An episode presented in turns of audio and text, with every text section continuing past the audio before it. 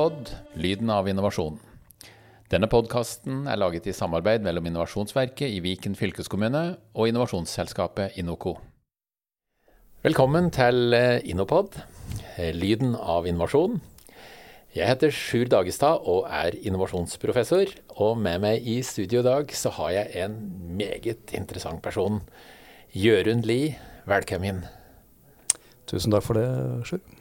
Og egentlig, Jørund, så, så, så, er jo ikke du gjest i mitt studio, men jeg er jo gjest hos deg, for vi sitter på kontoret ditt, Jørund. vi spokker. Vi sitter her på Torpomoen, så velkommen eh, til deg, Sjur. Jo, takk. Hjertelig takk. Hva, fortell, eh, for den som da ikke vet det, hva er Torpomoen? Torpomoen det er et næringsområde midt i, geografisk plassert midt i Hallingdal. Vi har et spennende uh, test- og øvingssenter for nødetatene bl.a. I tillegg til at det er mange næringsdrivende som er, uh, som, som er lokalisert her. Så bl.a. Norsk Luftambulanse har uh, et nasjonalt treningssenter her. Altså Hvis jeg skulle fått hjerteinfarkt eller noe sånt, så er det her jeg ville ha fått det. For det, det vrimler av politi og brannvesen. Og jeg venter jo bare på at det skal lande et helikopter. ja, det, det, er mye trafikk her. Det er mye som skjer. Og det er veldig pulserende liv. Og i tillegg en, en, del folk som vil noe mer og vil, vil, ha utvikling på stedet som sådan. Og til beste for befolkningen i Hallingdal, egentlig. Ja, ja så, så det, er ikke bare, det ikke bare utrykning og, og brann og redning som er her? Nei, her er det mye bra innovasjonsarbeid som skjer bl.a. Og vi i en fem-seksårsperiode jobba offensivt med bidrag til næringsliv og kommuner i forhold til innovasjon og utvikling. Og du, du har jo jobba med innovasjon i mange år, Jørund. Det er jo en grunn for at du er eh, i denne podkasten her. Men eh, bare si et par ord om deg sjøl, sånn, sånn, at lytteren får eh, bli litt bedre kjent med Jørund Lie. Ja, 52 år eh, og bor på Ål i Hallingdal. Gift med Marit og har to barn, Emma og Selma. Eh, Emma er ute av huset, og Selma er fortsatt inn i huset. Er toppidrettsutøver og kombinerer det med, med litt eh, lærerjobb på, på barneskolen. Jeg eh, har min bakgrunn fra idretten hovedsakelig. Så jeg har, eh, kan du si, en sjøllært gründer, leder, trener innen alpint hovedsakelig toppidrett, men også fått lov til å lede eh, alpinavdelingen i Norges Skiforbund. Og eh, jeg skulle jo egentlig bli en toppidrettsutøver sjøl, men jeg klarte ikke det. Så, eh, men så var lidenskapen og, og trangen så stor til det å lykkes innen alpint, så jeg, så jeg hadde ikke noe annet valg enn å, enn å lykkes gjennom andre. Hvorfor klarte du ikke å bli toppidrettsutøver, eller lykkes med det, det første målet ditt? Uh, ja, og, uh, det lå nok ganske godt an ei stund, men så, så ble jeg veldig alvorlig sjuk. Og ja, hvis du ser meg nå, så ville du nok ikke trodd på at jeg sa at jeg som voksen mann veide 50 kilo.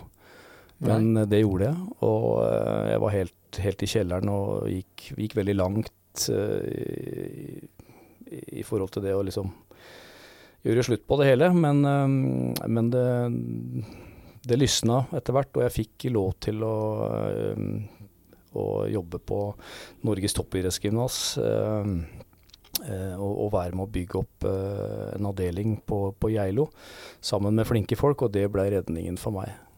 Du har, du har, fått noen kurs i livets skole du, som er så tøffe at du ikke unner din verste fiende det, men kanskje er glad for å ha fått det sjøl? Ja, det kan, kan, du godt si. Jeg har vært ganske godt under fjæresteinene på, på det verste. Men, ja. Eh, men, eh, det har vært en herlig topptur etter det, da. Ja. Og, eh, og, det er jo en grunn til at jeg har, har kommet opp til det her på Torpomoen for å prate med deg. Fordi jeg har jo hørt noen historier her og der fra den tida du drev og jobba med landslaget. Og for det første, hvordan er det å jobbe med så ekstreme mennesker? Det er det er helt fantastisk. For det første så tenker jeg den samla krafta som ligger i den motivasjonen, den lidenskapen man har, både for aktiviteten i seg sjøl, men også den konkurranseviljen eh, og, og, evnen, og, og, og si, fokuset da, på det å hele tida utvikle seg sjøl, utvikle laget, utvikle samspill mellom mennesker i retning av det å, å kjøre stygg fort på ski. Og så er det noe med den idrettens egenart òg. Altså det, det ser kanskje ganske enkelt ut på TV, men det er jo en risikosport. Du kjører i høye hastigheter, og du utsetter deg sjøl og andre for ganske stor fare. Så, så, så det er en ekstremt skjerpa tilstand man er i. Eh, og så er kravet til trening og, og eh, kvalitetene på, på, eh, på utøveren da, og, og støtteapparatet er så høyt at vi må øve så mye. Så vi er veldig eh, mange dager i året samla. Over 200 dager samla. Så det blir veldig spesielt. Men kan man ikke drive ego og alene i dette? Det er jo en enpersonsidrett. De står jo ikke to på de skia, eller kjører stafett. Nei, det er godt sagt. Det er mange som pleier å si at, eh, at alpint er en lagidrett. Bortsett fra når du står på, på start og skal kjøre til mål. Men utover det så, så er det Jeg har til dags dato ikke sett noen lykkes fullt ut ved å gå solo og, og gjøre ting på, for mye på egen hånd. Da. Så det ligner på innovasjon på mange måter? det. Innovasjon er heller ikke noe soloutøvelse? Eh, Nei, det har du rett i. Det, man er jo I det sjette element så, ja. så lærer vi bl.a. om viktigheten av team. Da. Nei, men eh, eh, fortell litt mer fra den tida du drev og trente landslaget. og Hvordan var det livet? ja, det blir eh, Det er jo ingen, altså det er en jobb, så du har betalt for det. Men eh, det blir mer en tilstand enn en jobb. Så du, du lever i en eh, ekstrem prestasjonshverdag, egentlig. Og så har jeg alltid tenkt at, at uh, når vi reiser så mye sammen, og man konkurrerer med de man konkurrerer med, så er man egentlig Man skylder å gjøre alpintrener, leder, utøver, yrke til et godt sted å være. Så du uh, må måle på noe mer enn det å akkurat bidra med dine utøvere. Uh, du må skape et godt miljø og et godt uh, klima da, for, for, for, samarbeid. Fordi vi som alpinnasjon også forholdsvis små mot, i konkurranse med de store. Så jeg tror at noe av fordelen også over tid, før min tid og etterpå, det er at man da har, sett seg liksom høyre og venstre, hvem er det vi kan samarbeide med. Men så er det måten å gjøre det på. Og jeg tror det sitter inne, ganske langt inne, i hvert fall for de store alpinnasjonene, som har sånne store maskineri med mange folk på veien, og, og relativt bratte sånn hierarki da, med sjefer og hovedtrener og assistenttrener og sånn, så, så sitter det noe litt langt inne, og bl.a. det å dele informasjon. Så, så, er det sånn at enhver nasjon er seg sjøl nok, så man skal ikke dele landa imellom, eller? Ja, de aller, aller største har nok hatt en tradisjon for det. Mm. Eh, det jeg oppdaga, var at eh, du kan begynne å I hvert fall sånn når jeg var sportssjef da, og, og på en måte følte at du satt litt aleine på toppen, og du skulle eh, ha, ha, ansatte trenere som var, som var dyktige på sine felt. og og, og, det var de, og de, de samarbeidet også ganske godt med, tidvis med andre nasjoner. Så ble du sittende litt alene på toppen. Og da, da det å finne den, den, som hadde det samme ansvaret, f.eks. i USA eller Sveits eller Canada, eller, og, begynne å by litt på seg sjøl, det, det, ga meg ganske mye. Fikk, fikk mye mer tilbake uh, enn det jeg ga. Og det var, litt, det var litt overraskende for dem at jeg begynte å dele litt informasjon. Ok, så, så ja, eh, som innovasjonsprofessor, da, så, så, så, tenker jeg tilbake på 60-70-tallet hvor patentet styrte innovasjonsarenaen. Ikke snakk med de andre. Sørg for å holde på dine rettigheter, og del for all del ikke med noen. Mm. Det, var, det, var, vårt fagfelt for 50 år siden. Og det, det, høres jo nesten ut som det var i en slags patentenes tidsalder. Ikke del med de andre. Eh, hold det for deg sjøl. Ja, og det er klart, og det vil du aldri helt få bort heller sånn i sin helhet. Det, det er noen sånne konkurransefortrinn man, man hele tida forsøker å skaffe seg. Og det ligger jo i idrettens, toppidrettens og vår alpinidrettens uh, egenart, egentlig. Men uh, ja, det, vi gjorde ting som var, jeg syns var litt sånn litt nye og spennende, da. Men det må jo også skje en lekkasje når en trener fra et land går over til et annet land osv. At Ja. eh, du får kompetanselekkasje på den måten. Absolutt. Og det har jo foregått over, over tid, og det, og det er nok sikkert nødvendig og, eh, og bra. Ja. Eh, Jeg hørte ei historie for, for lang tid tilbake fra Åre, hvor dere var og trente. Ja, Kan ikke du fortelle litt ifra, ifra, den, ifra den dagen? ikke sant. Og når det kommer til et mesterskap, uh, Sjur, så er det sånn at uh, da er det bare gjennomføringa igjen. Og de siste forberedelsene før hver enkelt konkurranse. Og mye av eh, arbeidet har jo skjedd da i ett og to, kanskje tre år i forkant. I hvert fall når det gjelder OL og Så det- så også dette- VM. Så dette her er, dette her, er- det du skal fortelle om nå, det er i rett i forkant av et mesterskap? Er det Ja, så eh, no, noen grep vi gjorde var jo å ansette f.eks. Året ligger i Sverige, som, du, som alle vet. Og eh, det å ansette svenske trenere, i hvert fall svenske personer i støtteapparatet som hadde god lokalkunnskap om hvor vi kunne få de beste, mest spesifikke treningsforholda rett opp mot konkurransene, det, det var viktig for oss. Så det er liksom det å ansette riktige folk, og så begynne å jobbe da med disse destinasjonene, skisentrene, og, og gjøre avtaler. Eh, avtaler om eh, hvordan bakken skal preppes, eh, når den skal preppes, eh, hva vi kan få av, av muligheter kun for oss, da. Sånn særfordeler, egentlig. Så, ja, ja. så det hadde vi eh, det, Der hadde vi lagd en, en gameplan for det VM-et som var eh, veldig, veldig, veldig bra. Så du går ikke bevisstløs inn i en sånn situasjon, altså? Det kan du gjøre, men det, det lykkes du sjelden med. Okay, ja. Så her ligger det mye arbeid i forkant. Så, det, okay. så, det var, eh, så vi hadde da bl.a.